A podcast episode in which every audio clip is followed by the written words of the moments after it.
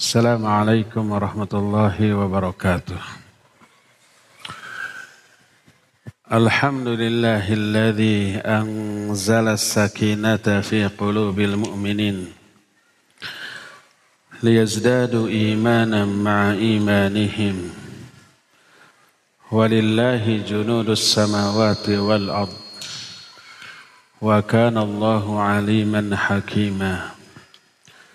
وأشهد أن لا إله إلا الله وحده لا شريك له إقرارا به وتوحيدا وأشهد أن محمدا عبده ورسوله صلى الله عليه وعلى آله وأصحابه وسلم تسليما مزيدا وبعد. Ikhwati fillah, a'azani Allah wa iyyakum para jamaah Masjid Agung Al-Ukhuwah di kota Bandung, Jawa Barat. A'azanillah wa iyakum.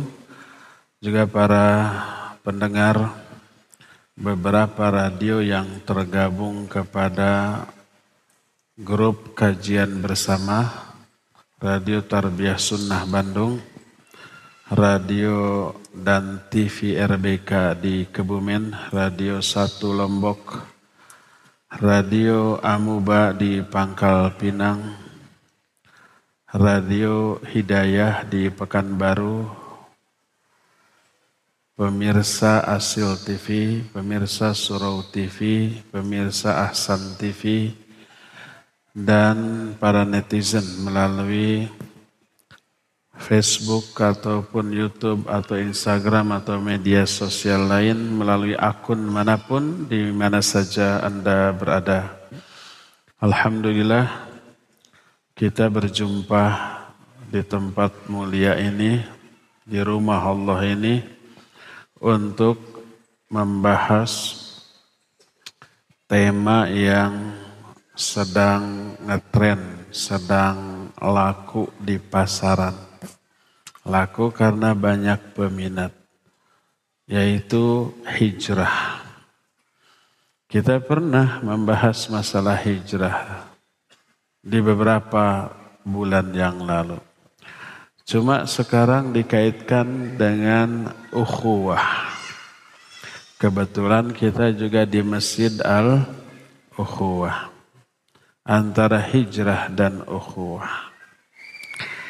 Dua hal yang pasti berkaitan. Tak bisa dipisahkan. Hijrah melahirkan ukhuwah.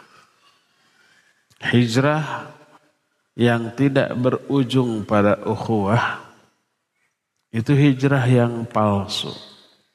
Hijrah imitasi. Hijrah yang keliru.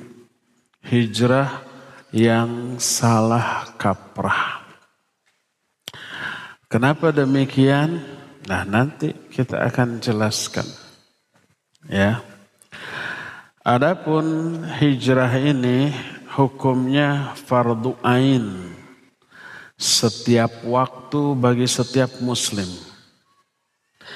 Tapi hijrah yang mana? Berkata Imam Ibn Qayyim rahimahullah. Beliau jelaskan dalam kitab Risalah At-Tabukiyah. Ada dua macam hijrah. Hijrah yang pertama dan ini menjadi inti dari hijrah. Yaitu hijrahnya hati kepada Allah dan Rasulnya. Itu yang disebut dengan hijrah qalbiyah. Sebelum hijrah yang kedua, yaitu hijrah badaniyah. Hijrah badaniyah ini bukti nyata dari hijrah qalbiyah. Adapun makna dari hijrah qalbiyah adalah kembalinya hati kepada Allah dan Rasulnya. Dan ini diperintahkan. Allah berfirman di antaranya dalam surah Az-Zariyat ayat yang ke-50, "Fafirru ilallah." Inni lakum minhu nadhirum mubin. Bersegeralah kalian kembali kepada Allah. Lalu Allah menyatakan, Inni lakum minhu nadhirum mubin. Aku sesungguhnya benar-benar memberi peringatan kepada kalian tentang hal ini. Ditekankan, perhatikan oleh kalian. Fafirru ilallah. Kembalilah kalian kepada Allah Azza wa Jalla. Dan inilah yang dimaksud dengan hijrah kepada Allah. Adapun aplikasi dari hijrah kepada Allah Azza wa Jalla adalah memindahkan kecenderungan hati kita dari kecenderungan kepada selain Allah berpindah kepada Allah. Mencintai sesuatu selain Allah dengan kadar yang besar dipindahkan menjadi mencintai Allah, mencintai syariatnya, mencintai apa-apa yang dicintai oleh Allah Azza wa Jalla. Pendeknya semua yang Allah perintahkan pasti Allah cintai, lakukan. Apa yang Allah larang, Allah haramkan pasti dibenci oleh Allah, jauhi. Dan ini hakikat seorang yang hijrah. Sebagaimana sabda Rasul sallallahu alaihi wa alihi wasallam dalam hadis sahih Riwayat Imam Bukhari dan Imam Muslim. Berkata Rasul sallallahu alaihi wa alihi wasallam Kata beliau al-muslimu man al muslimuna min lisanihi wa yadihi wal muhajiru man hajara manahallahu an. Seorang muslim yang hakiki, muslim yang sejati, adalah seorang muslim yang muslim lainnya selamat dari gangguan lisannya dan tangannya. Dia tidak menyakiti sesama muslim dengan lisannya, tidak mencelaknya, tidak memfitnahnya, tidak menghinanya, tidak menggibahinya. Pokoknya tidak melakukan, mengucapkan apa pun yang menyakiti muslim lain. Dan juga tangannya. Baik dengan cara memukul, menyentil, nyintrek. Atau dengan perbuatan lain yang dilakukan oleh tangannya. Nah sekarang ini Tangan jauh lebih efektif daripada lisan. Lisan gak semua orang bisa bicara. Ada orang yang tidak bisa dan tidak berani mengungkapkan secara lisan. Karena kurang bisa ngomong. Tapi jempolnya nih aktif. Kalau lisan harus langsung berhadapan dengan orang lain. Kalau jompo sambil ngeden di WC juga bisa kan? Sambil berbaring di kamar juga bisa kan? melalui media sosial. Apa pun yang sifatnya mengganggu, merusak hakikat keislaman orang itu. Al-muslimu man salim al-muslimuna min lisanihi wa yadihi wal muhajiru. Adapun orang yang berhijrah, orang penghijrah sejati yang hakiki yang sebenarnya adalah orang-orang yang meninggalkan apa yang dilarang oleh Allah Subhanahu wa taala. Apa pun bentuk yang dilarang ini. Ini hakikat dari hijrah kepada Allah Azza wa Jalla tunduk dan patuh kepada syariatnya. Semua yang diperintahkannya dilakukan dan semua yang dilarangnya dijauhi dengan sejauh-jauhnya. Hijrah seperti ini hukumnya wajib setiap saat. Walaupun badan kita, tempat tinggal kita, rumah kita tidak pindah tetap di sana. Tapi yang berubah, yang berpindah adalah karakteristik, sifat, perbuatan, amal-amalan, berubah dari buruk menjadi baik, dari maksiat kepada taat, dari bid'ah kepada sunnah, dari semua hal yang mengandung unsur syirik, kepada unsur tauhid, unsur kufur kepada unsur iman dan yang sejenisnya. Itu hakikat dari hijrah. Walhasil hijrah ini adalah menancapkan keimanan yang hakiki di dalam jiwa dan hati kita. Lalu otomatis teraplikasi dalam bentuk amalan melaksanakan semua perintah, menjauhi semua larangan itu adalah wujud nyata dari tertancapnya iman yang kuat di dalam hati kita. Dan ini pembahasannya amat sangat luas karena mencakup kepada seluruh aspek kehidupan kita. Aplikasi iman terwujud dalam bidang ekonomi. Karena ketika kita bermuamalah di bidang ekonomi, dagang, jual beli, jual jasa atau buburuh atau bertani atau apa pun, iman itu harus dibawa. Iman itu menjadi pengontrol. Iman itu menjadi landasan bertindak di bidang ekonomi. Makanya kalau dagang nggak boleh dusta. Nggak boleh menyembunyikan barang aib dari barang yang dijual. Nggak boleh ada sumpah palsu. Nggak boleh ada unsur riba, unsur tipu menipu dan yang sejenisnya.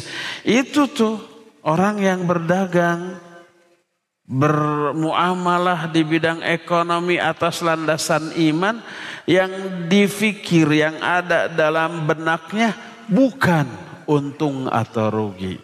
Bun, bukan besar atau kecil keuntungannya. Tapi yang ada di benaknya adalah ridho Allah ataukah murka dan laknat Allah. Dosa ataukah pahala. Halal ataukah haram barokah Allah ataukah laknat dari Allah Azza wa Jalla. Itu tuh yang ada di benaknya. Aplikasi iman. Iman juga teraplikasi dalam bentuk di bidang politik.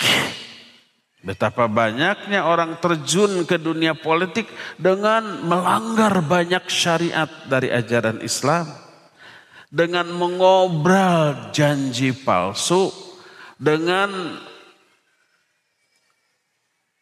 meratakan kezoliman atau melakukan kezoliman kepada rakyat dan warga yang dipimpinnya itu banyak. Kalau iman nggak dibawa tuh ke sana.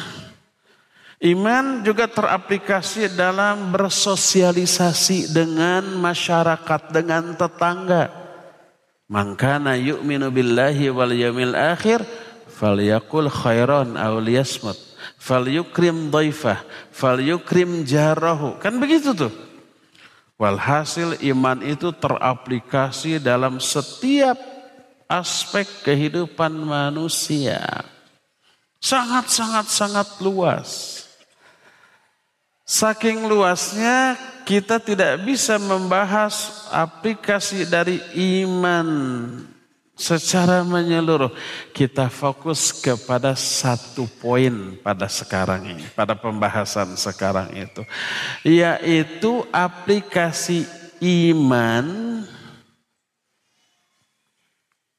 terhadap masalah ukhuwah Islamiyah. Tadi sudah dikatakan iman dan iman ini wujud nyata dari hijrah Iman itu kan semua perintah Allah laksanakan, semua larangannya dijauhi dan itu hakikat dari hijrah. Ya. Iman wajib melahirkan hijrah. Nanti sebelum setelahnya nanti ada ada ada yang lebih berat yaitu jihad. Ini berkaitan erat. Allah berfirman, "Innalladzina amanu walladzina hajaru wajahadu bi amwalihim wa anfusihim fi sabilillah walladzina awaw wa nasaru ulaika ba'duhum awliya'u ba'd." Itu ada dalam surah Al-Anfal. Ayat cari di Al-Anfal dari 1 sampai 77. Sekitar ayat 75-an gitu ya, 74 atau 75. Innalladzina amanu wa hajaru wa jahadu bi amwalihim wa anfusihim fi sabilillah walladzina awaw wa nasaru Ulaika ba'duhum awliya'u ba'd. Sesungguhnya orang-orang yang beriman, awalnya iman dulu tuh. Dan pernah kita bahas, iman ini lahir karena ilmu. Semua lafaz iman dalam Al-Quran dan hadis di dalamnya sudah tercakup ilmu, sudah include ilmu di dalamnya. Itu iman yang hakiki. Kita nggak akan bahas lagi. Sesungguhnya orang-orang yang beriman dan orang-orang yang berhijrah dari iman melahirkan hijrah. Dan hijrah yang wajib bagi setiap orang di mana pun kapan pun tadi hijrah qalbiyah. Kembalinya hati kepada Allah Azza wa Jalla. Sesungguhnya orang-orang beriman dan orang yang berhijrah eh, dan jihad di jalan Allah dengan harta dan jiwa walladzina awau dan orang-orang yang memberi tempat kepada orang yang berhijrah dan menolong mereka. Jadi orang yang lebih dahulu hijrah wajib memberi tempat kepada orang yang baru datang baru hijrah dan menolong. Ulaika ba'duhum awliya'u ba'd. Mereka lah orang-orang yang sebagian dari mereka menjadi pelindung bagi yang lain, menjadi saudara bagi yang lain, menjadi penolong bagi yang lain. Yang sudah lama hijrah dengan yang baru hijrah wajib menyatu. Yang lama hijrah wajib menyambut, menolong. Bagaimanapun kondisi keadaan orang yang baru hijrah tersebut. Makanya wahai ikhwan dan akhwat yang sudah lama ngaji, sudah lama hijrah, hijrah kolbiyah. Terus pas datang ke kajian, datang ikhwan dan akhwat yang baru ngaji. Baru mau hijrah tuh. Kelihatan dari penampilan. Kalau akhwat datangnya ke masjid menor. Pakai jilbab gaul. Pakai jeans. Pakaian ketat. Datang menor dengan membawa seluruh perhiasan yang dimilikinya. Parfumnya ke mana-mana. Ini menunjukkan baru hijrah. Sambut mereka. Nyamankan mereka Beri tempat mereka. Ramahlah kepada mereka. Jangan langsung dihardik. Kamu mau apa mau ngaji? Allah menyatakan walladina awaw wa. Orang-orang yang memberi tempat kepada orang yang baru hijrah dan menolong mereka, membantu, menyamankan mereka, membuat mereka nyaman. Siapa pun yang datang, bagaimanapun keadaan sambut, ukti ahlan wa sahlan, wilujeng sumping, welcome. Sugeng rawuh kalau dia dari Jawa. Sambut, nyamankan. Walaupun masih ada penyimpangan dari penampilan dia nyamankan. Biar berproses. Jangan langsung dihardik. Nah, masa ke masjid pakai pakaian begini, pulang. Benar dia pulang dan nggak akan kembali. Langsung menebar fitnah. Pengajian itu kelompok teroris. saya diusir. Eksklusif tuh. Kan gitu ya. Akibat orang yang sudah lama hijrah tidak mengamalkan ayat. Begitu juga ikhwan, ada orang baru datang, kelihatan baru dia isbal, ya. Kemudian kelihatan bau rokok, bukan kelihatan, kecium bau rokok, ya. Pakaiannya tidak seperti orang yang mau ke masjid. Nyaman kan dulu, ahlan ya akhir, silakan duduk. Biar dia lihat pengamalan orang yang lebih dahulu hijrah. Biar dia merasa nyaman dulu di lingkungan barunya yang jauh lebih baik yang ingin dia datangi. Nanti pekan depan datang lagi sudah berubah penampilannya. Sudah berbeda lama-lama sama dengan ikhwan-ikhwan yang sudah tahunan hijrah. Jadi hijrah ini bermula dari iman-iman wajib melahirkan hijrah. Dan hijrah yang wajib bagi setiap orang di mana pun, kapan pun, hijrah kalbiyah. Kembalinya hati kepada Allah dan Rasulnya. Fafirru ilallah. Inni lakum minhu nadhirum mubin. Cepat Pindah kalian kepada Allah. Kembali kalian kepada Allah.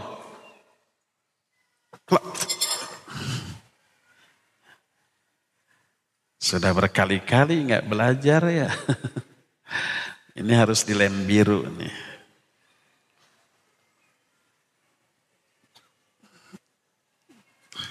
Berdiri aja gitu.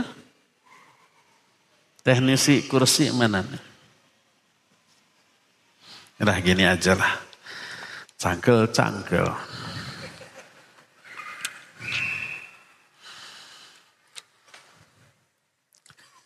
Jadi semua orang di setiap tempat, setiap keadaan, setiap waktu wajib melakukan hijrah kalbiyah.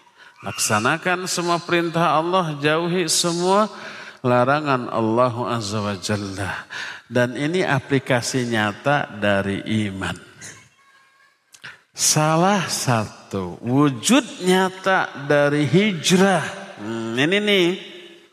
Yang nanti akan berujung kepada terbentuknya ukhuwah Islamiyah adalah wajibnya memiliki rasa kasih sayang, cinta, mencintai, sayang, menyayangi, kasih, mengasihi dengan sesama muslim. Ini wujud nyata dari iman. Tanpa ini iman nonsens. Iman saya nggak berani mengatakan bullshit karena terlalu kasarnya. Omong kosong.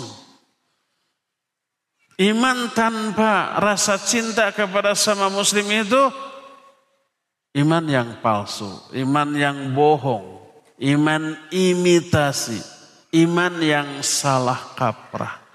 Karena ayat dan hadis mewajibkan iman diaplikasikan dalam bentuk saling mencintai dengan sesama muslim. Dan ini yang menjadi basic terbentuknya ukhuwah Islamiyah. Di antara ayat yang menyatakan demikian adalah Allah berfirman dalam Al-Hujurat ayat yang ke-10 innamal mu'minuna ikhwah. Hanyalah mukmin dengan mukmin itu bersaudara. Kalau sama saudara wajib ada rasa saling cinta mencintai. Dan ini diwujudkan oleh kaum muslimin generasi terbaik. Generasi para sahabat. Coba lihat Al-Quran surah Al-Fat ayat yang terakhir, ayat yang ke-27. Muhammadur Rasulullah. 29 bukan 27. Walladzina ma'ahu asyidda'u 'alal kuffari ruhama'u bainahum. Kata Ras, kata Allah Azza wa Jalla, Muhammad itu utusan Allah.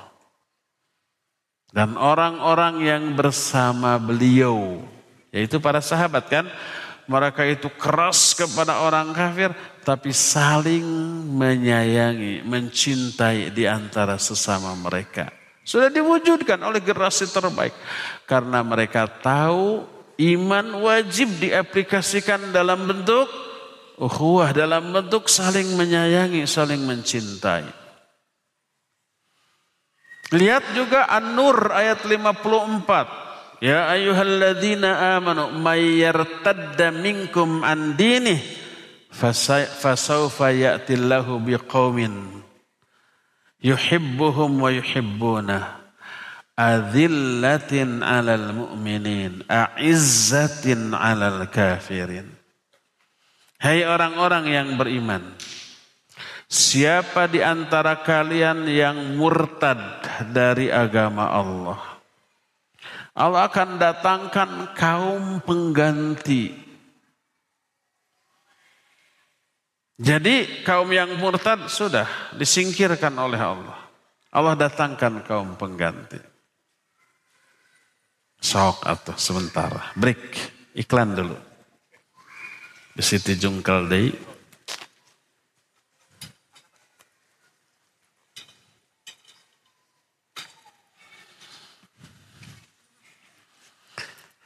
Kaum pengganti ini yuhibbuhum wa yuhibbuna.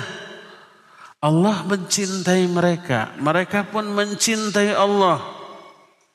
Adillatin alal mu'minin a'izzatin al kafir. Mereka itu saling berkasih sayang dengan sesama mukmin. Saling mencintai dengan sesama mukmin, tapi gagah keras tegas kepada orang-orang kafir. Lihat lagi surah Al-Hasyr tentang bagaimana para sahabat bangsa Ansor. Ansor ini orang Mekah atau orang Kufah? Ansor ini orang Mekah atau orang Kufah? Jawab. A orang Mekah atau B orang Kufah? A atau B? C. C apa? orang Madinah. Betul. Ansar ini orang Madinah. Penolong. Kalau orang Mekah namanya muha, muhajirin. Ketika bangsa Mekah muhajirin yang muslim pindah ke Madinah. Langsung nggak kenal, nggak apa, orang baru, jumlahnya banyak, nggak bawa apa-apa, kata orang Sunda mah semah semah tengah hesekeun nu boga imah tapi disambut ditolong dibantu sampai Allah kagum Allah memuji mereka Allah berfirman walladzina tabawwa'ud dar wal imana min qablihim yuhibbuna man hajara Orang-orang yang sudah menetap tinggal di Madinah dan sudah beriman. Yuhibbuna man hajara ilaihim. Mereka itu mencintai orang-orang yang hijrah datang ke mereka. Padahal saya mah tadi teh apa saya mah teh ngahesekeun nu boga imah merepotkan apa tidak? Merepotkan. Wala yajiduna fi suduritin hajatan mimma utu. Tidak ada dalam hati mereka tujuan keinginan-keinginan untuk meraih keuntungan dari orang yang baru datang. Enggak, sebaliknya wa yu'thiruna ala anfusihim walau kana bihim khasasah. Mereka lebih mengutamakan orang yang baru datang tersebut walaupun mereka sendiri kesulitan. Di antara muhajir, di antara bangsa Ansor ada yang hartanya dibagi dua, setengah untuk dia, setengah untuk muhajirin. Bahkan yang beristri lebih dari satu suruh kamu pilih di antara istri saya ini yang kamu sukai yang mana, saya ceraikan kamu nikahi. Oh ini aja nih yang paling muda dan paling cantik. Boleh dicerai. Setelah habis masa idah dinikahkan. Hebat tuh enggak orang? Hebat. Itu karena iman.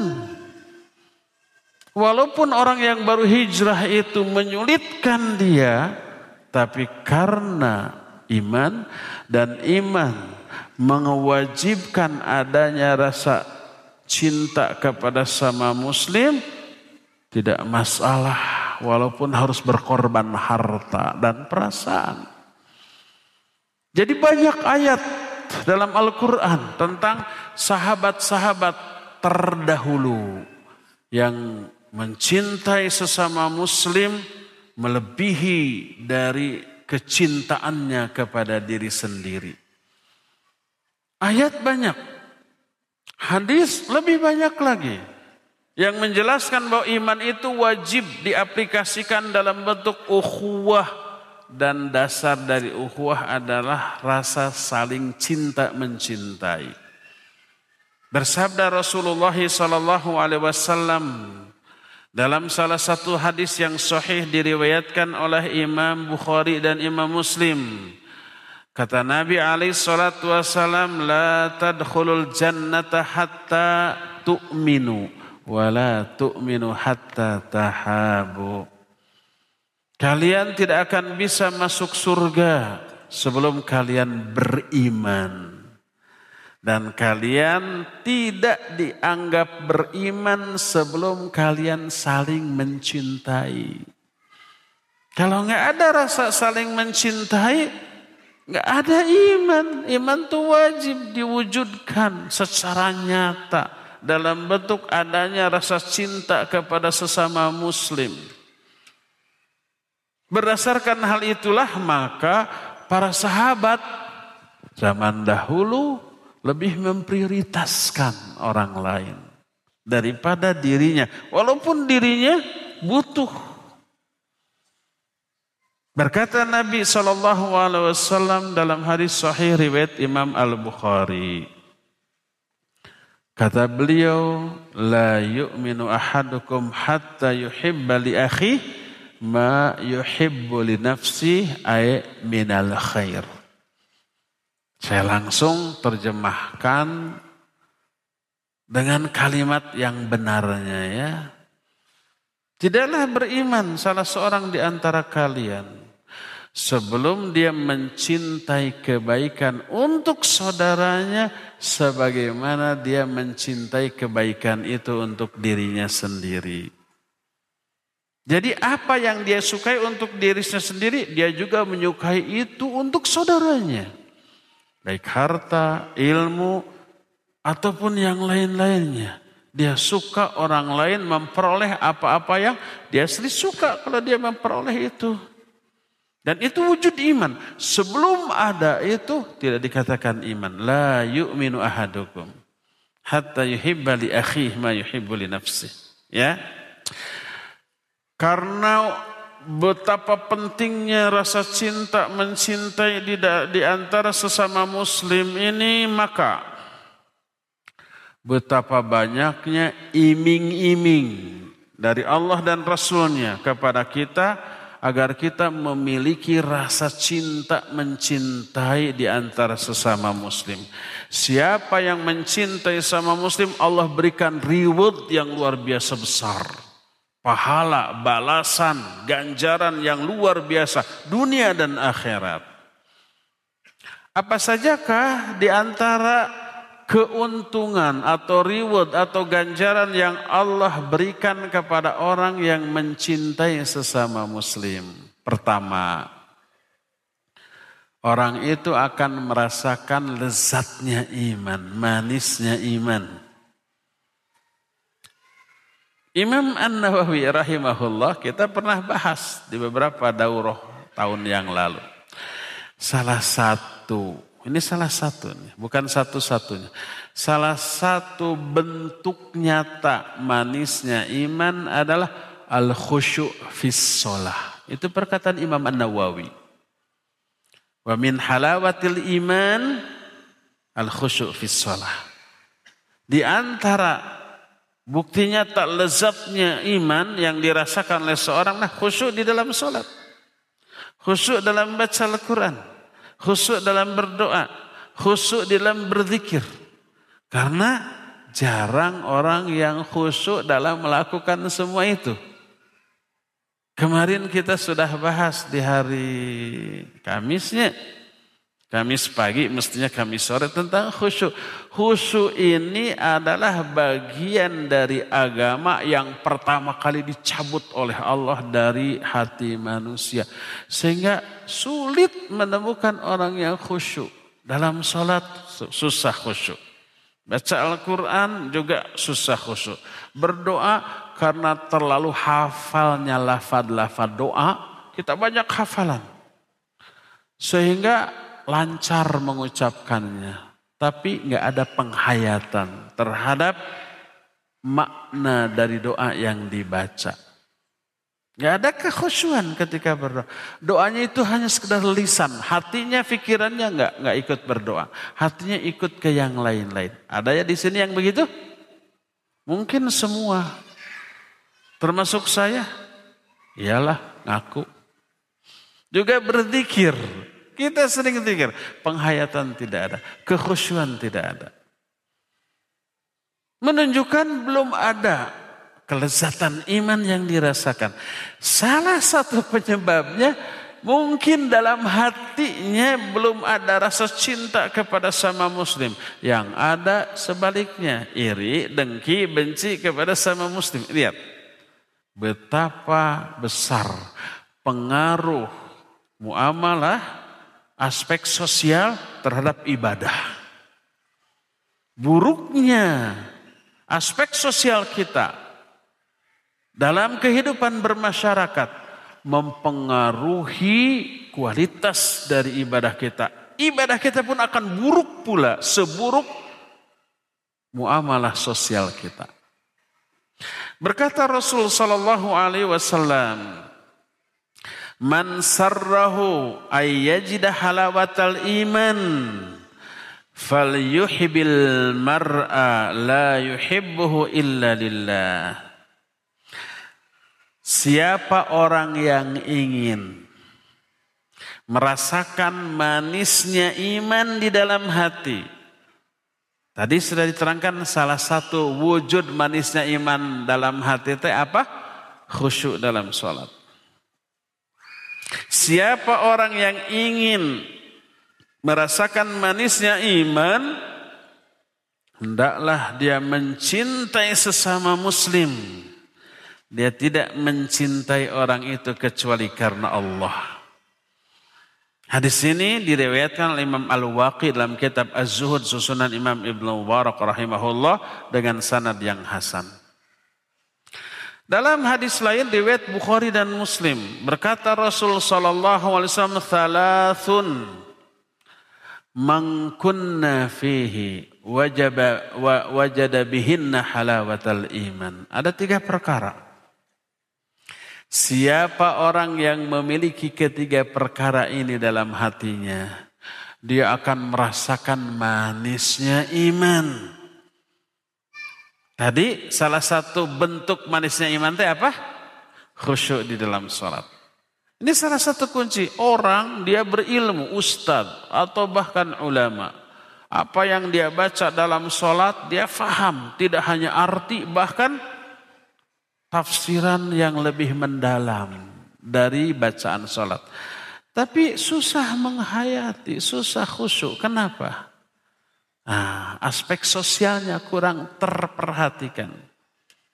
Ingat, dosa yang kita lakukan dalam aspek sosial menyakiti orang, menghina orang, suudon kepada orang, itu merusak kualitas dari ibadah yang dilakukannya.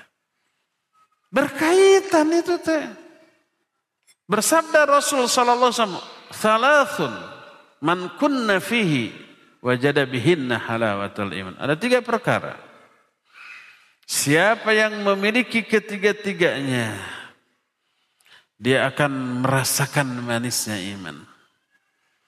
Apa tiga perkara ini? Pertama, ayyakunallahu wa rasuluhu ahabba ilaihi mimma siwahuma. Ini mah aspek tauhid dan manhaj. Tauhidnya harus benar, manhajnya harus lurus, baru manisnya iman bisa terasa. Pertama, kalau Allah dan Rasulnya lebih dia cintai daripada selain Allah dan Rasulnya. Lebih mencintai Allah dan Rasulnya dibanding apa pun. Kedua, wa ayyuhibbal mar'a la yuhibbuhu illa lillah. Ini nih yang kedua. Dia mencintai orang lain sesama muslim dan dia tidak mencintai orang itu kecuali karena Allah.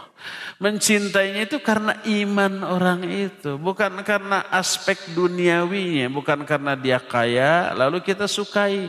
Semoga kecipratan. Minimal sering ditraktir makan. Bukan karena dia pejabat. Siapa tahu kita dikasih posisi. Lalu kita cintai. Bukan. Karena iman. Lillah. Bukan lid dunia.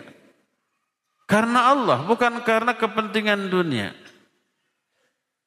Ketiga, wa ayyakraha ayuqdafa finnar. Ah, wa ayyakraha ayyauda fil kufri ba'da id anqadahu Allah min kama yakrahu ayyuqdafa finnar. Ketiga, aspek ketiga untuk memperoleh manisnya iman adalah dia membenci kembali kepada kekufuran. Ini hijrah. Dia benci kembali kepada kekufuran, kedurhakaan, kemaksiatan, kebidahan. Setelah Allah menyelamatkan dia dari kekufuran itu, sebagaimana dia membenci kalau dia dilemparkan ke dalam api neraka. Semua kita nggak mau amit-amit jabang bayi. Kasabrang ke Palembang. Nggak mau digebruskan ke dalam api neraka. Ya, sebenci itu, setidak mau itu kembali kepada masa lalu yang kelam setelah hijrah. Setelah Allah menyelamatkan kita dari keburukan di masa lalu.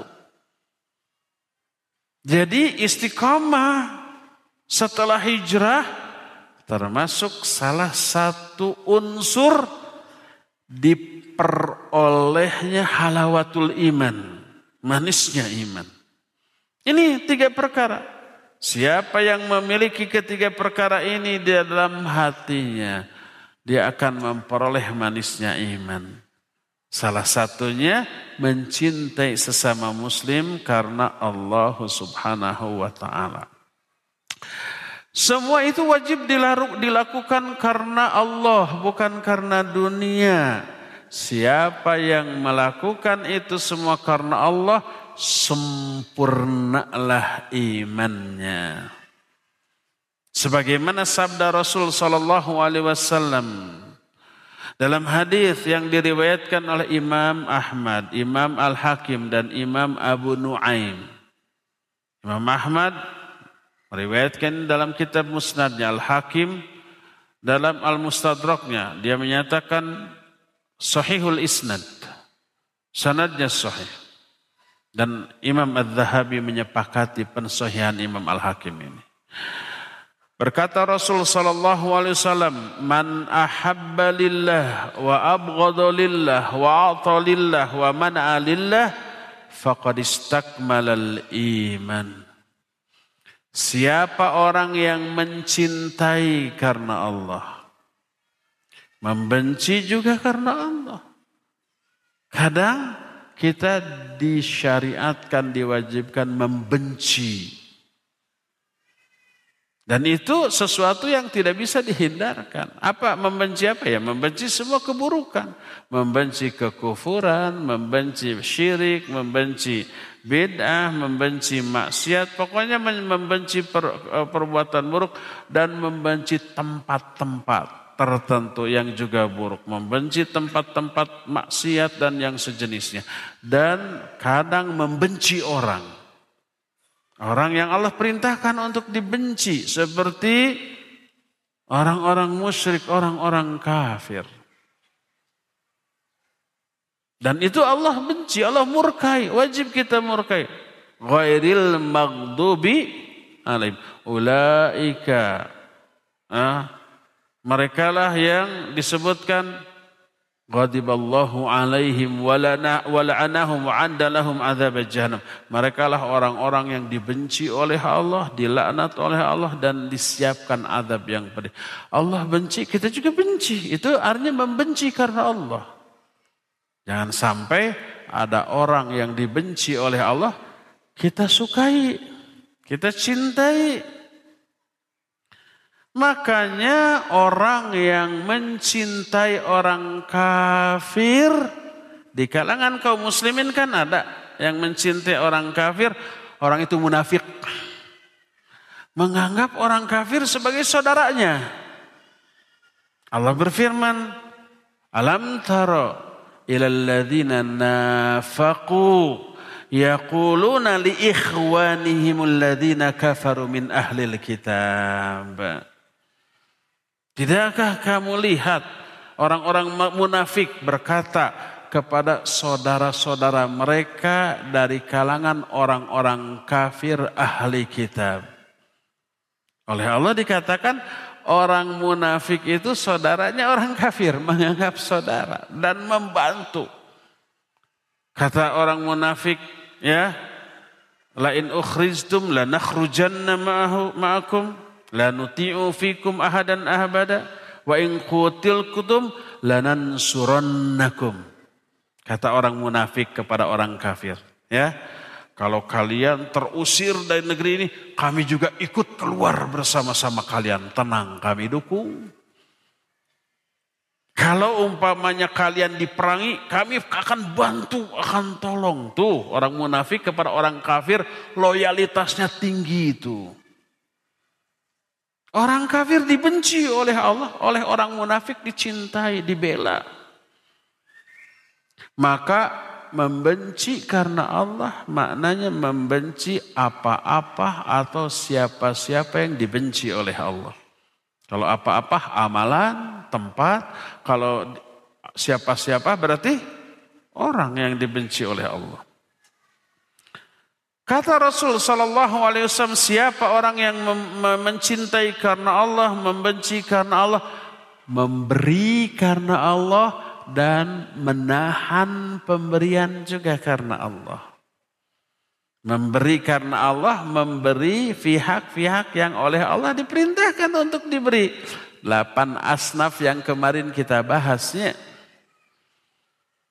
menahan pemberian, tidak memberi karena Allah seperti memberi orang-orang yang tidak boleh diberi berdasarkan syariat Allah seperti memberi upah terhadap sebuah kemaksiatan.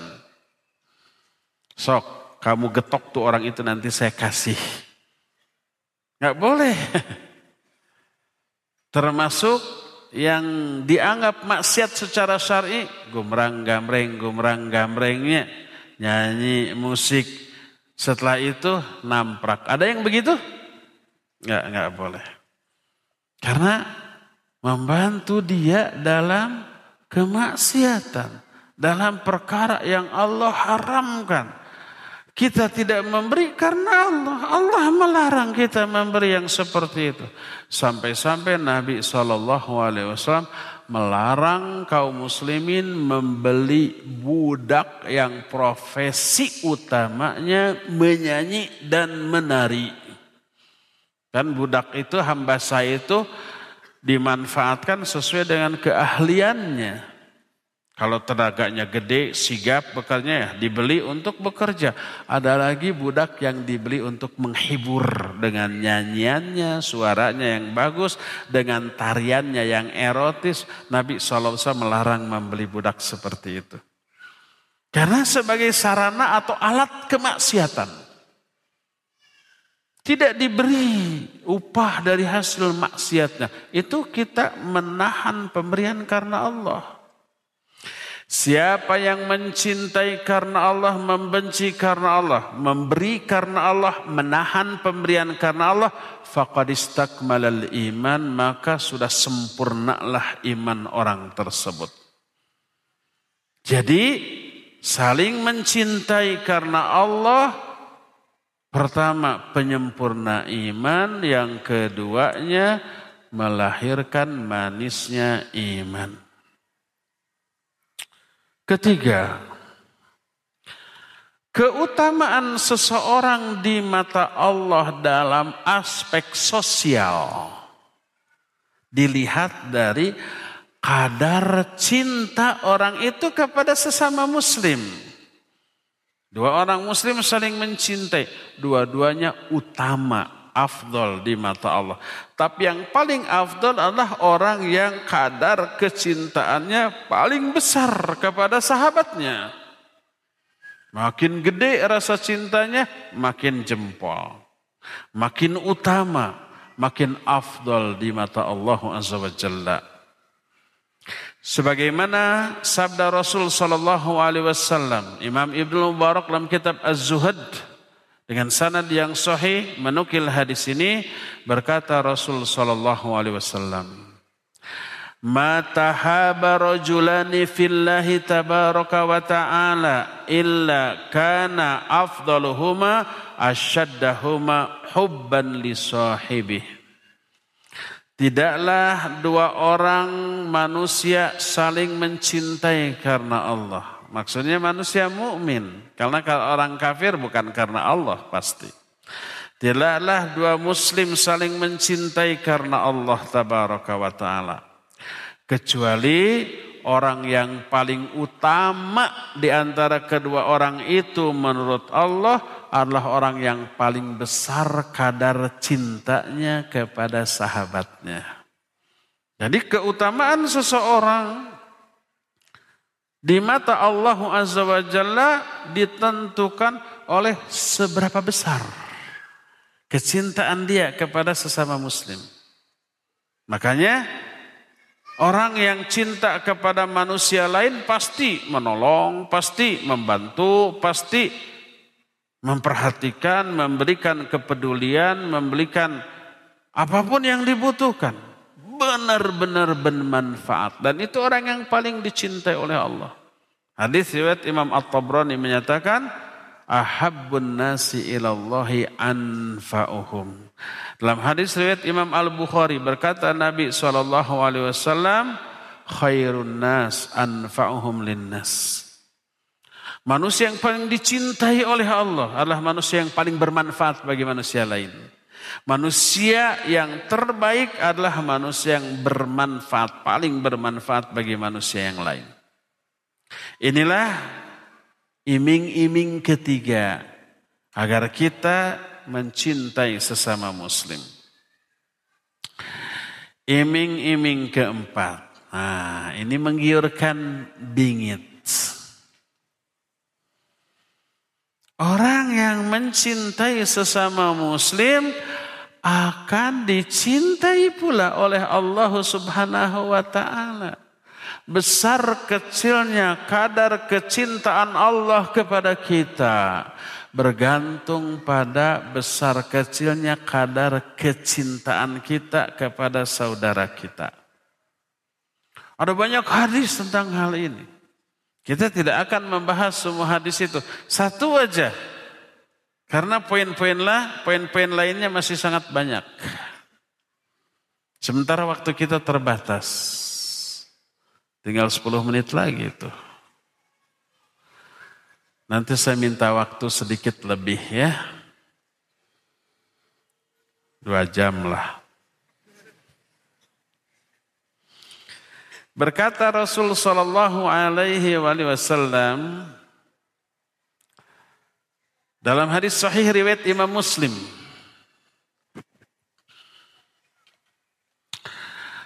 Kata Rasul sallallahu alaihi wasallam,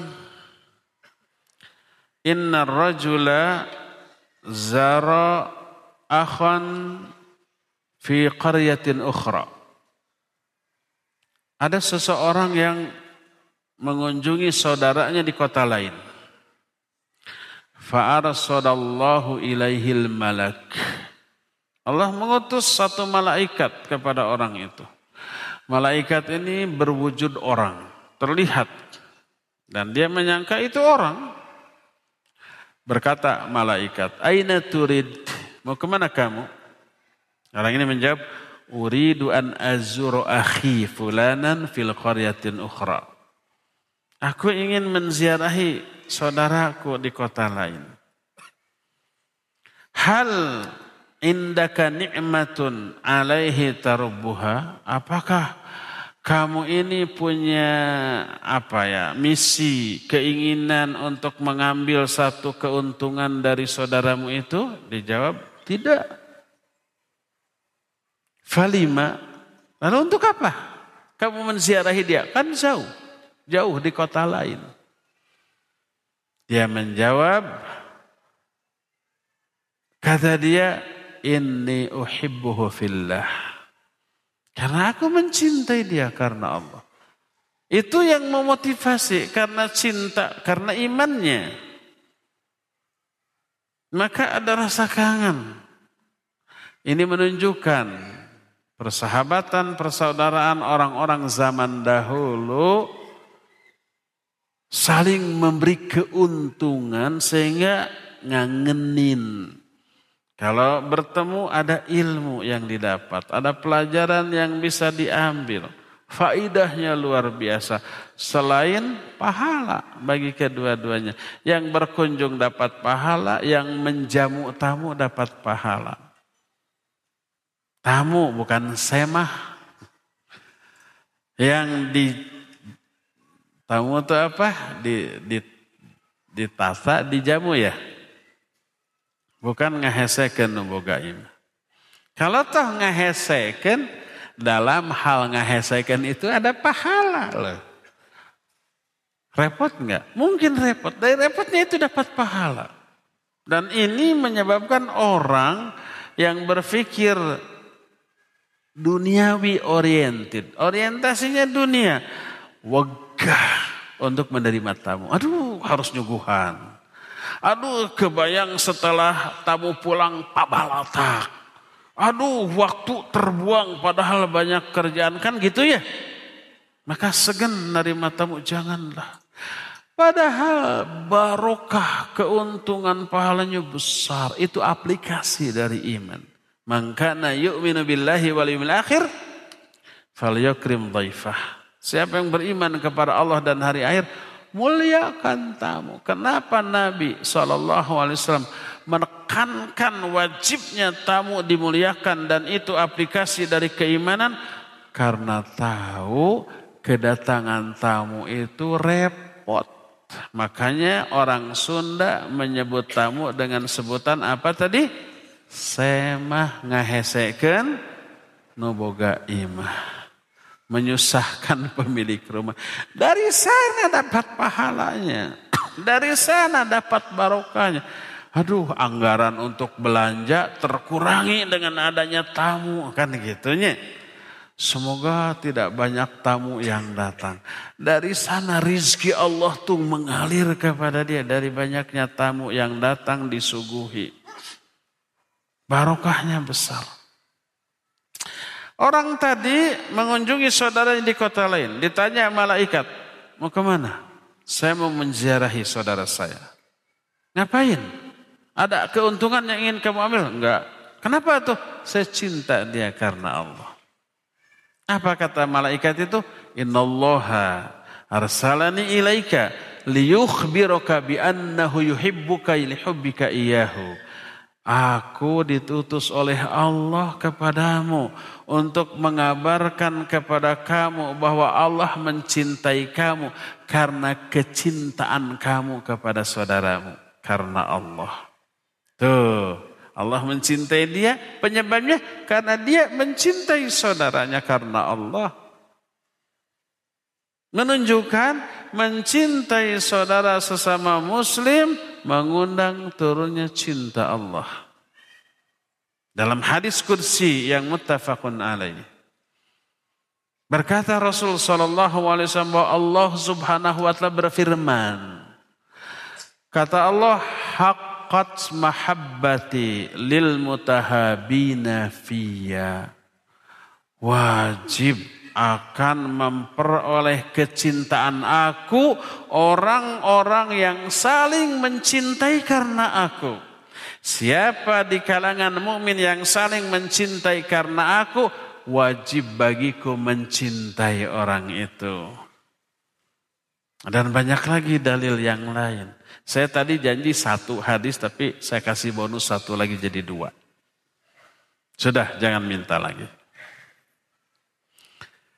Itulah iming-iming keempat agar kita mencintai sesama muslim karena Allah. Dan ini aplikasi iman.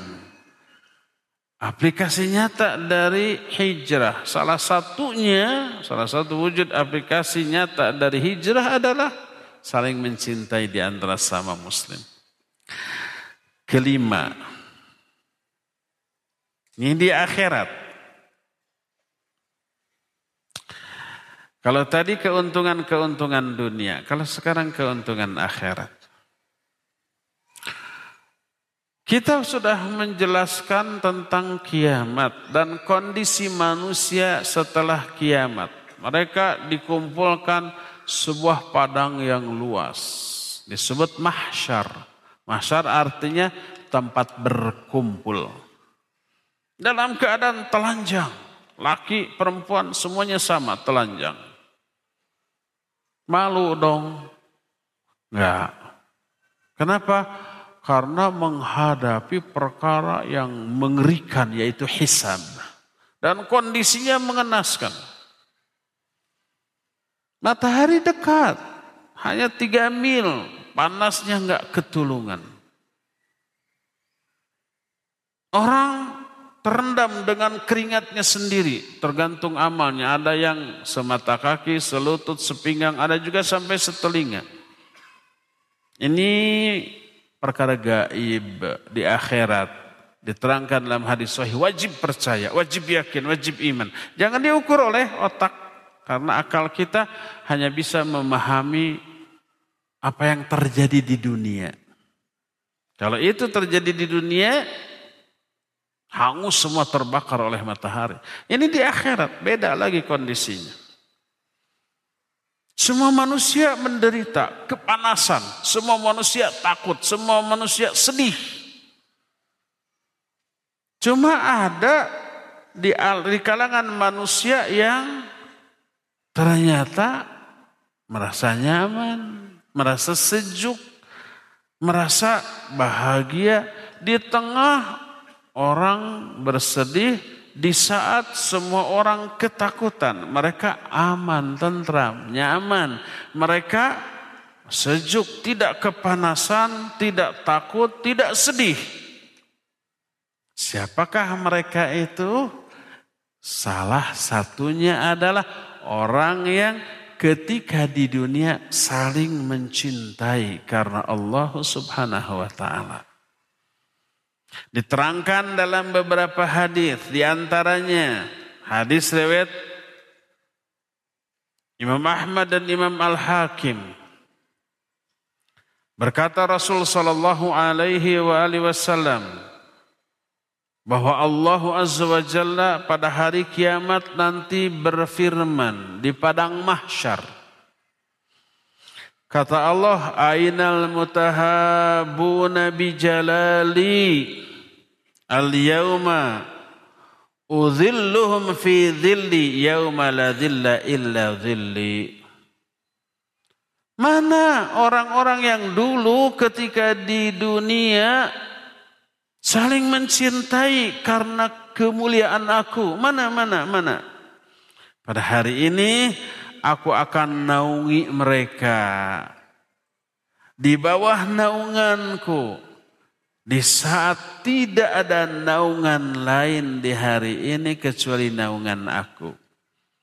Oleh Allah dipanggil mana mana yang dulu di dunia saling mencintai karena Allah sini sini saya kasih naungan di saat orang lain semuanya kepanasan. Hadis riwayat Imam Bukhari dan Imam Muslim yang sering kita dengar.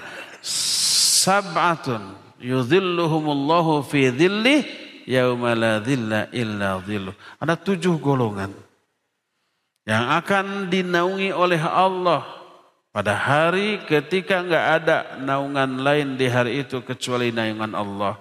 Salah satunya adalah rojulan tahaba fillah ijtama'a alaih wa. Dua orang yang saling mencintai karena Allah, berjumpa karena Allah dan berpisah juga karena Allah Azza wa. Ini salah satu golongan yang akan dinaungi di akhirat nanti. Selain dinaungi, mereka itu dikasih posisi yang super istimewa. Dikasih mimbar. Saya tanya, mimbar itu tempat apa? Ada yang tidak bisa jawab? Berarti bisa semua. Mimbar tempat apa? Ada yang tahu? Tempat duduk imam dan tempat berdiri. Imam Ibnu Athir meriwayatkan karena mimbaru Rasulullah sallallahu alaihi wasallam thalatha darajat. Qama fi thaniyah wa qa'ada ala thalithah. Dulu mimbar Rasul Sallallahu Alaihi Wasallam itu tiga tingkat, tiga tiga tiga tete celean, tiga apa? Tiga anak tangga. Beliau suka berdiri di anak tangga kedua dan duduk di anak tangga ke ketiga. Itu mimbar Rasul Sallallahu Alaihi Wasallam.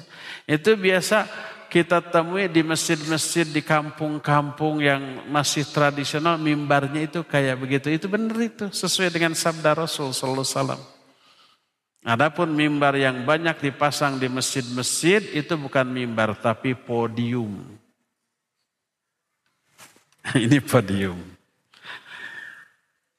Nabi SAW naik ke atas mimbar dan berdiri di atas mimbar. Kalau mimbarnya kayak gini, kebayang berdiri di atas.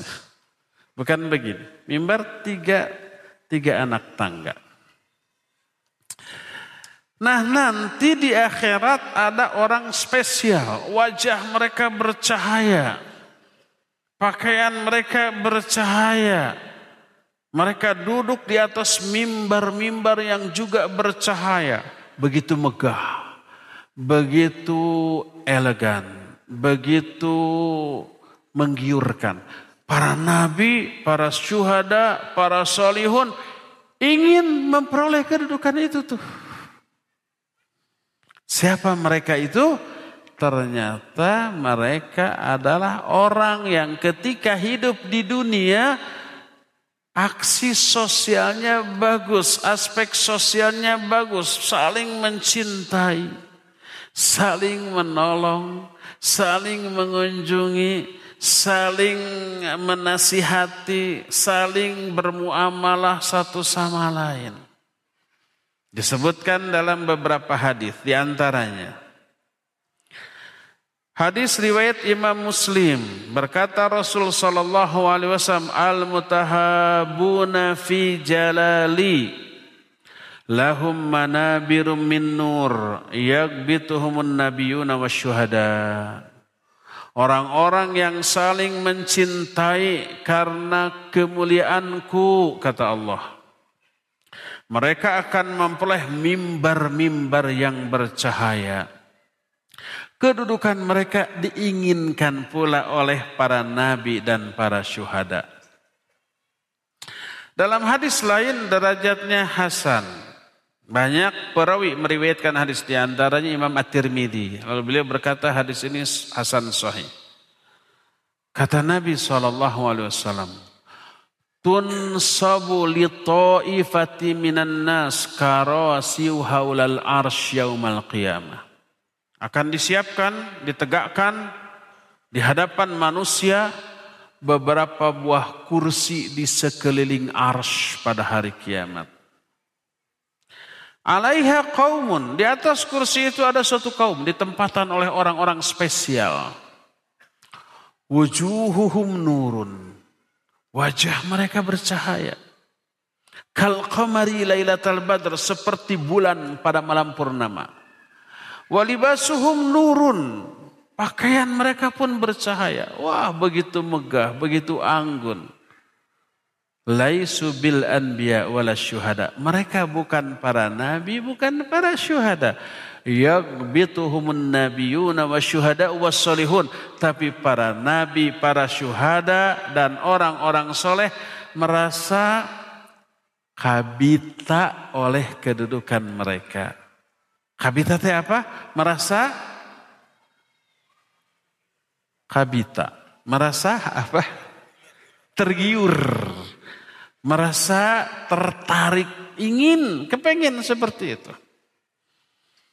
Para sahabat bertanya, Man haulai ya Rasulullah? Sifhum lana ya Rasulullah. Siapa mereka itu wahai Rasulullah? Terangkan sifat-sifat mereka kepada kami wahai Rasulullah. Lalu beliau menjawab, Humul mutahabuna fillah wal mutajalisuna fillah wal mutanasiruna fillah wal mutanasihuna fillah. Kata kata Rasul sallallahu alaihi wasallam mereka adalah orang-orang yang memiliki lima sifat. Lima sifat ini semuanya merupakan aksi sosial kemuliaan akhlak kepada sesama muslim. Mereka orang-orang yang saling mencintai karena Allah.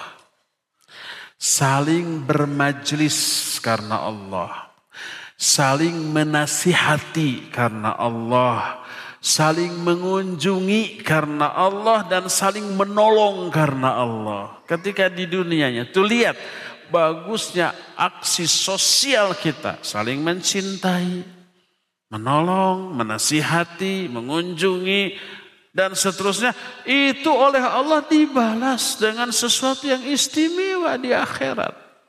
Dikasih kursi istimewa, mimbar istimewa bercahaya, wajahnya bercahaya, pakaiannya bercahaya. Para nabi, para syuhada, para sholin iri loh. Iri dalam arti ghibtah, kabita ingin seperti itu. Dalam hadis lain Diriwayatkan oleh Imam At-Tirmidzi dan Imam Ahmad dengan sanad yang sahih.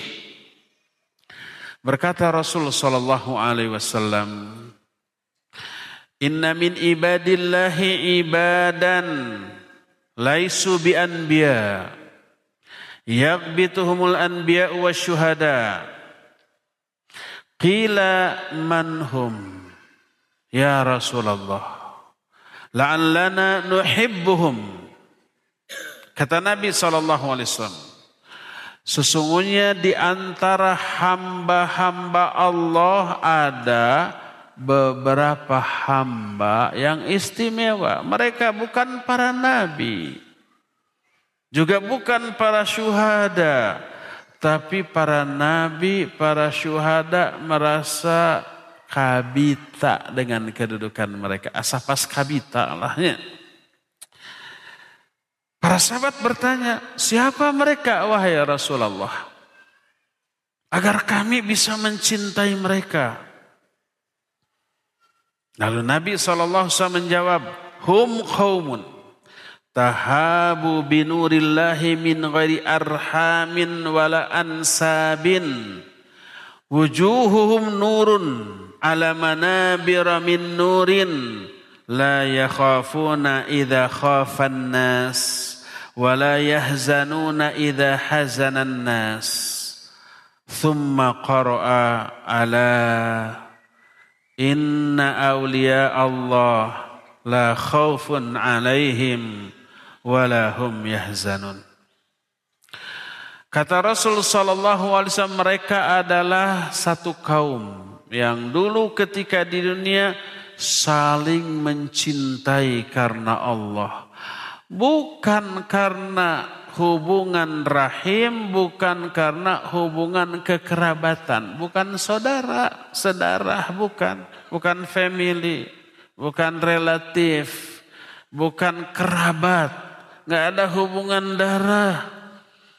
Tapi karena iman, orang lain iman, nggak peduli warna kulitnya apa, suku bangsanya apa, paspornya paspor negeri kita atau bukan, nggak peduli. Yang penting iman dia. Nggak ada hubungan kekerabatan. Dia cintai karena imannya. Wajah mereka bercahaya. Mereka berada di atas mimbar-mimbar yang bercahaya. Mereka tidak takut saat itu ketika semua orang takut. Mereka tidak bersedih ketika semua orang sedih. Lalu Nabi SAW membacakan ayat, Ala inna awliya Allah la khawfun alaihim walahum yahzanun. Ingat, bahwa wali-wali Allah itu tidak akan ada rasa takut dan tidak bersedih. Itu kondisi di akhirat. Dan mereka demikian karena mereka saling mencintai karena Allah.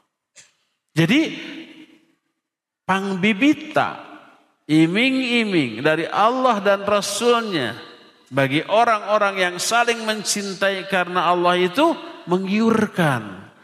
Pikabitaun, bikin ngiler, bikin kita ingin seperti itu. Itu untuk mendorong, memotivasi, menstimulan agar kita punya rasa cinta kepada sama muslim dan ini aplikasi nyata dari hijrah, aplikasi nyata dari iman yang kemudian dari rasa cinta mencintai ini akan melahirkan ukhuwah Islamiyah. Persaudaraan. Tanpa ukhuwah Berarti nggak ada rasa cinta. Tanpa rasa cinta berarti nggak ada iman. Tanpa ada iman nggak akan bisa masuk surga. Allah berfirman, eh, Rasul SAW bersabda, La tadkhulul jannah hatta tu'minu wa la tu'minu hatta tahabu. Kalian nggak bisa masuk surga sebelum beriman. Kalian nggak dikatakan iman sebelum saling mencintai. Adanya rasa cinta melahirkan ukhuwah Islamiyah. Begitu cara nyata memuliakan Allah dalam hati dan diri kita. Kita wajib memuliakan Allah. Dan salah satu wujud nyatanya adalah mencintai sesama muslim. Karena Allah perintahkan, siapa yang mencintai sama muslim berarti dia memuliakan Allah. Makanya bersabda Rasul sallallahu alaihi wasallam dalam hadis riwayat Imam Ahmad dengan sanad yang hasan, "Ma ahabba abdun abdan lillah illa akrama rabbah." Tidaklah Seorang hamba mencintai hambanya yang lain karena Allah. Kecuali hamba itu sudah dianggap memuliakan Allah. Cara memuliakan Allah yang benar salah satunya mencintai sesama hamba. Mafhum mukhalafah dari hadis ini.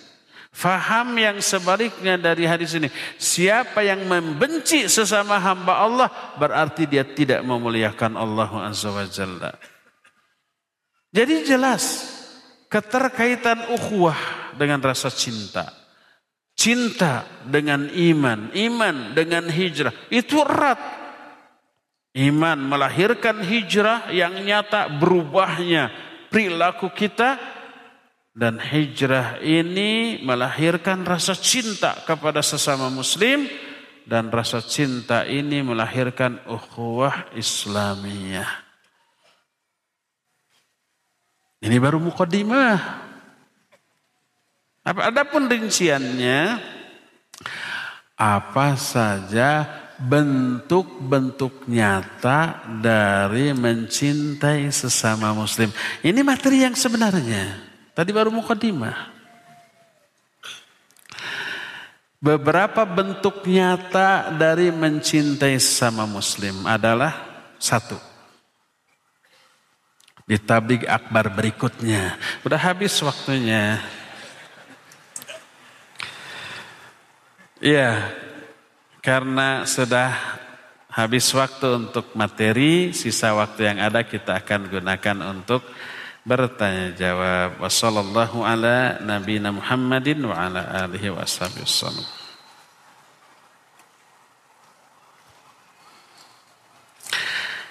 Sebelum bahas pertanyaan ada kuis. Siapa yang bisa menjawab akan dikasih hadiah. Hadiahnya kalender. Sudah mau habis Desember sekarang. Oh yang baru. Oh, 2020. Ya, ada hijriahnya? Ada hijriahnya. Ikhwan uh, panitia siap mic ya. Ya. Ikhwan dua orang, cung.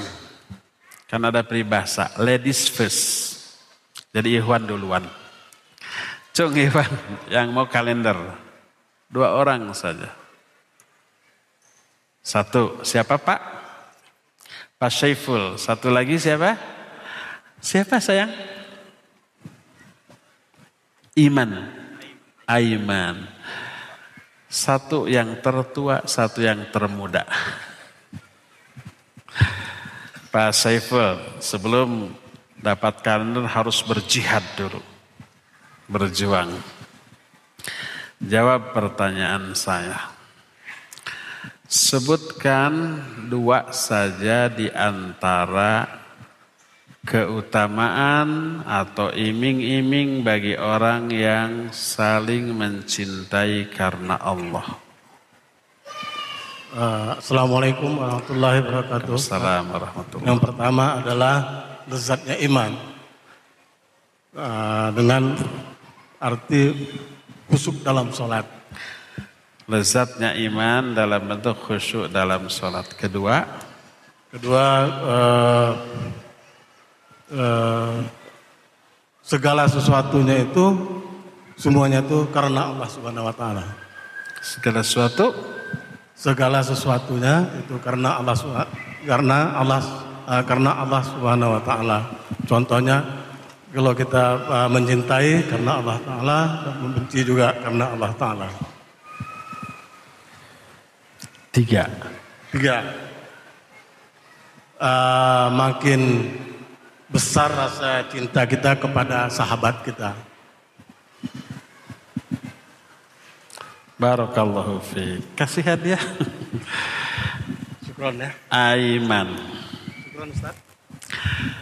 Apa pahala di akhirat yang akan diberikan kepada orang yang saling mencintai karena Allah? Sebut satu aja di akhirat apa? Pakai ini sayang. Hmm. Jangan dicium. Ayo ngomong. Mendapatkan naungan di padang mahsyar. Apa? Mendapatkan naungan di padang mahsyar. Mendapat naungan di padang mahsyar. Barakallahu fiik. Iman, Aiman berapa tahun? Sembilan. Sembilan tahun, kelas tiga ya.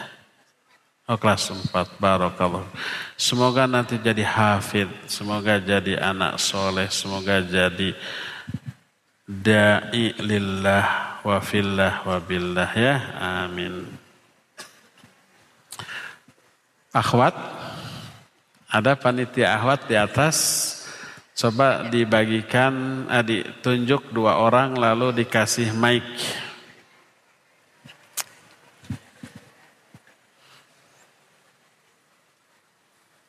Ada Ustaz. Ada? Ada.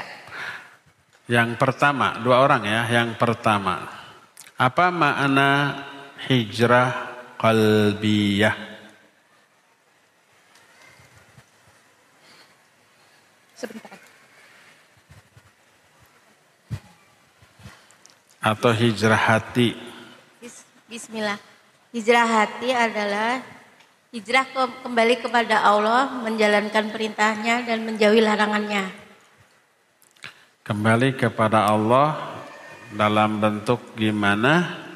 Dalam bentuk keimanan, menjauhi semua larangannya dan Iya, eh, melaksanakan semua perintah, melaksanakan menjauhi, semua perintah dan menjauhi larangannya. Menjauhi semua larangan. Iya, barakallahu fi. Kasih satu lagi.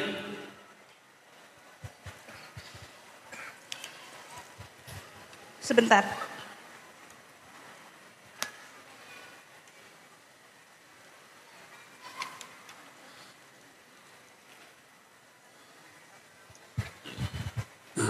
Bismillah. Udah ya, taib. Sebutkan satu aja lagi keutamaan orang yang saling mencintai karena Allah Selain yang sudah dijawab tadi ya. Bismillahirrahmanirrahim. Bahwa nanti Allah di padang masar uh,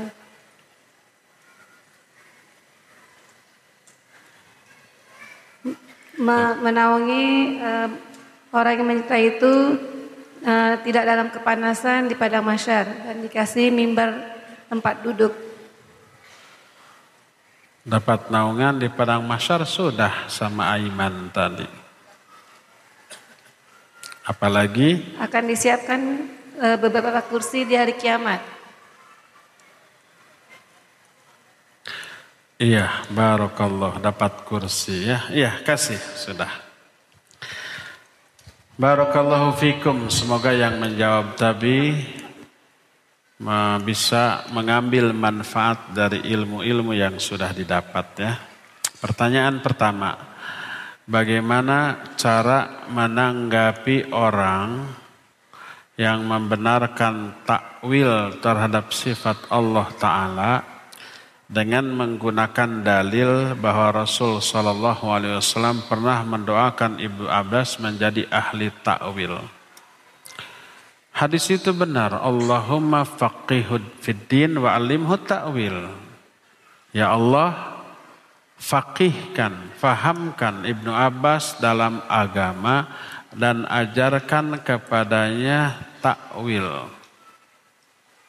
Takwil di sini artinya tafsir. Adapun takwil yang terlarang, yang terlarang terhadap sifat Allah adalah tagyirul kalam atau tagyirul makna minal maknal mubadiru min ila maknan akhar la yadullu alaihi lafadz merubah makna dari makna asal kepada makna lain yang tidak ditunjukkan oleh lafaz yang ditakwil tersebut. Ini takwil yang madmum yang tercela. Bukan tafsir. Kalau takwil dalam hadis Ibnu Abbas, tafsir. Berikan ilmu tafsir kepada Ibnu Abbas. Dan jadilah Ibnu Abbas ahli tafsir. Dan itu bagus takwil dalam arti tafsir. Adapun takwil yang terlarang merubah makna. Dari makna asal kepada makna lain yang tidak ditunjukkan oleh lafaz tersebut. Seperti tangan. Ditakwil menjadi kekuasaan. Seperti istiwa tegak. Ditakwil menjadi menguasai dirubah maknanya kepada makna lain yang enggak ada hubungannya dengan makna yang terkandung dalam lafaz aslinya. Nah, itulah yang terlarang. Oleh karena itu, memahami makna takwil dalam hadis tidak boleh ditakwil oleh kebodohan kita. Lihat penjelasan para ulama tentang hal ini ya. Makanya dalil ajarkan takwil kepada Ibnu Abbas tidak menjadi hujah bolehnya mentakwil sifat Allah dengan makna merubah makna dari lafad asal ya. Tidak nyambung. Antara hadis itu dengan dibolehkannya mentakwil terhadap sifat Allah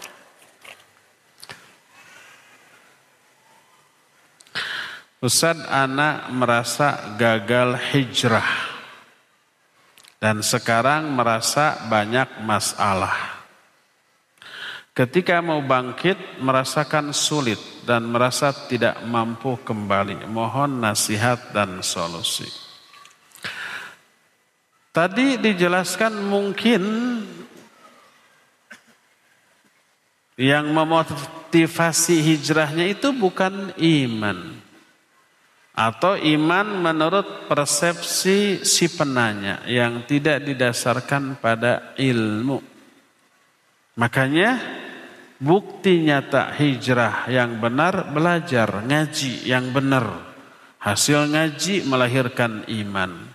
Hasil dari iman melahirkan hijrah yang benar. Saya sudah terangkan di materi dulu. Orang yang hijrah wajib memburu dua hal.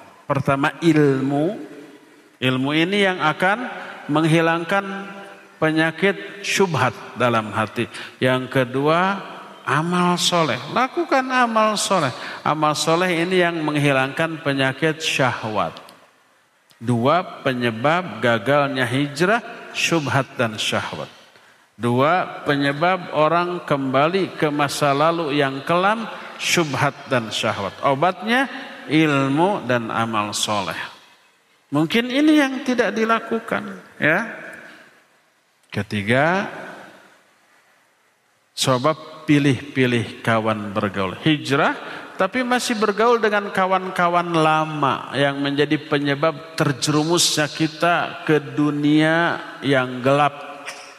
Ya tetap kita akan terkontaminasi dengan penyimpangan mereka ya. Mungkin begitu. Coba sekarang ngaji terus, pilih kawan bergaul, lalu lakukan berbagai macam ibadah dan amal soleh nanti Allah akan mudahkan.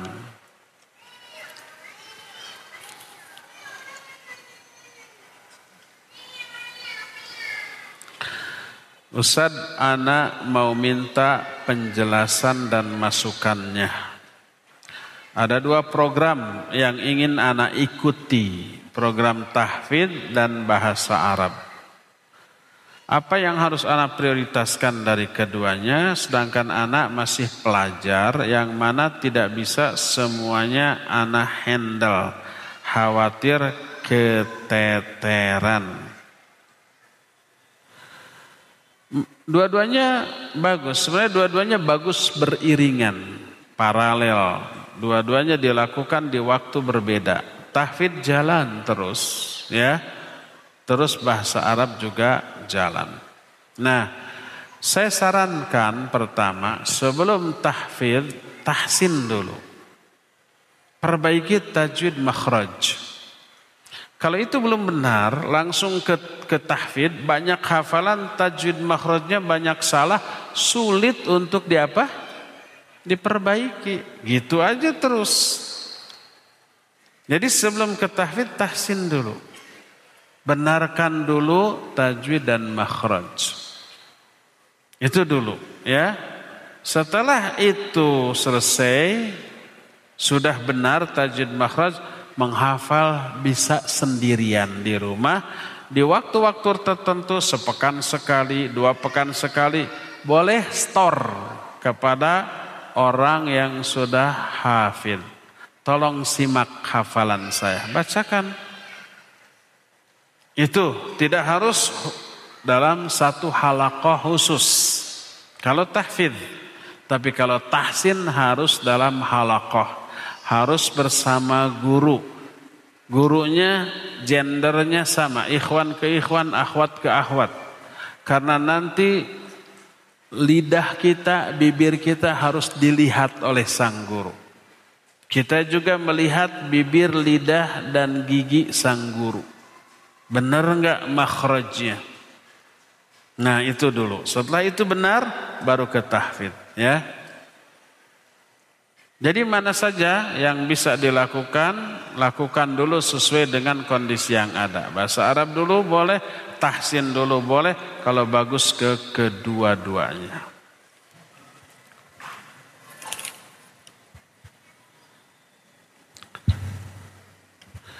Baikkah yang baru hijrah ikut komunitas islami namun ketika tidak nyaman cari lagi komunitas lain yang mungkin lebih nyaman. Apakah itu salah satu penyebab hijrah sudah satu tahun lebih namun masih tidak ada perubahan. Kalau tidak ada perubahan belum hijrah. Tadi dikatakan hijrah itu berubah dari buruk ke baik. Dari syirik ke tauhid, kufur ke iman, bidah ke sunnah, maksiat ke taat. Harus ada perubahan baru disebut hijrah. Ya. Yang dicari bukan nyaman atau tidaknya sebuah komunitas. Tapi benar tidaknya akidah dan manhaj komunitas tersebut. Kalau benar, walaupun tidak nyaman, bertahanlah di sana. Terus rubah penyebab ketidaknyamanannya. Kalau nggak mampu, minta bantuan ustadz di komunitas itu. Umpamanya penyebab ketidaknyamanannya Ikhwan dan Ahwat senior arogan. Ikhwat dan Ikhwan dan Ahwat senior judes jutek. Itu yang membuat tidak nyaman ya. Atau ada yang akhlaknya buruk. Laporkan ke ustadznya. Bisa japri lewat WA atau medsos lainnya. Bisa terbuka seperti ini di pertanyaan. Jangan sebut nama. Ustadz Ahwat namanya Fulana nyebelin. Jangan. Jangan disebut namanya. Hanya sebut saja ada Ikhwan Ahwat senior panitia pengurus yayasan nyebelin. Sebut datanya. Boleh sebut orang, kalau japri ke saya boleh. Kalau terbuka seperti ini jangan. Nanti kita akan merubah dengan menasihati orang seperti itu ya. Nah akhirnya orang itu berubah. Setelah berubah, hilanglah penyebab ketidaknyamanan. Akhirnya menjadi nyaman. Kalau kita mencari komunitas yang nyaman, selama ada orang nyebelin di komunitas itu selamanya tidak akan merasa nyaman. Jadi lihat lurus atau tidaknya akidah dan pemahaman komunitas tersebut. Itu yang lebih utama ya. Wallahu alam.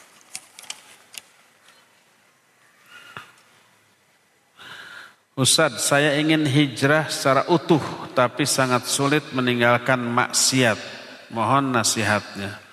Itu tahu penyebabnya. Bagaimana caranya agar bisa meninggalkan maksiat? Pertama, tadi gaulnya jangan salah gaul. Jangan gaul dengan orang-orang ahli maksiat. Gaulah dengan orang-orang soleh agar terbawa. Kedua, berupayalah untuk tidak sering menyendiri. Menyendiri mendorong dia untuk merasa bebas bermaksiat karena tidak ada yang melihat ya. Kos sama orang lain yang soleh yang berilmu ya.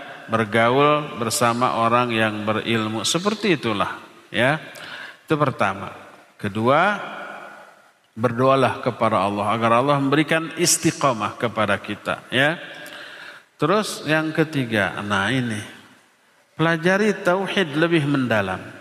Semakin mengenal Allah, nanti semakin besar rasa cinta kita kepada Allah, khauf kita, mahabbah atau rojak kita, muraqabah kita, itu makin besar. Ketika kita tahu bahwa setiap saat, setiap detik kita diawasi oleh Allah, oleh para malaikat dan dicatat, maka kita akan semakin menjaga diri ya. Dengan cara itu insya Allah tidak tidak akan ber, berani bermaksiat sekalipun sedang menyendiri.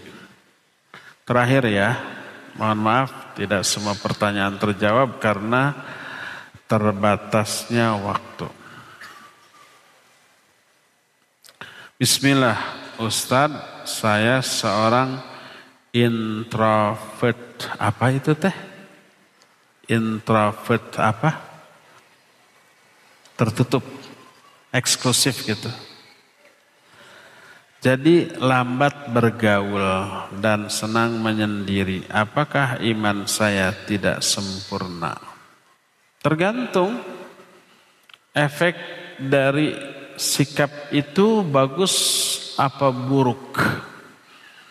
Kalau bagus, kalau sendiri saya lebih fokus dalam berzikir.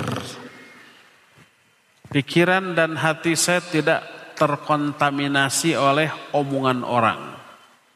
Saya fokus menghafal Al-Quran, fokus membaca, fokus berdoa, fokus ibadah. Bagus.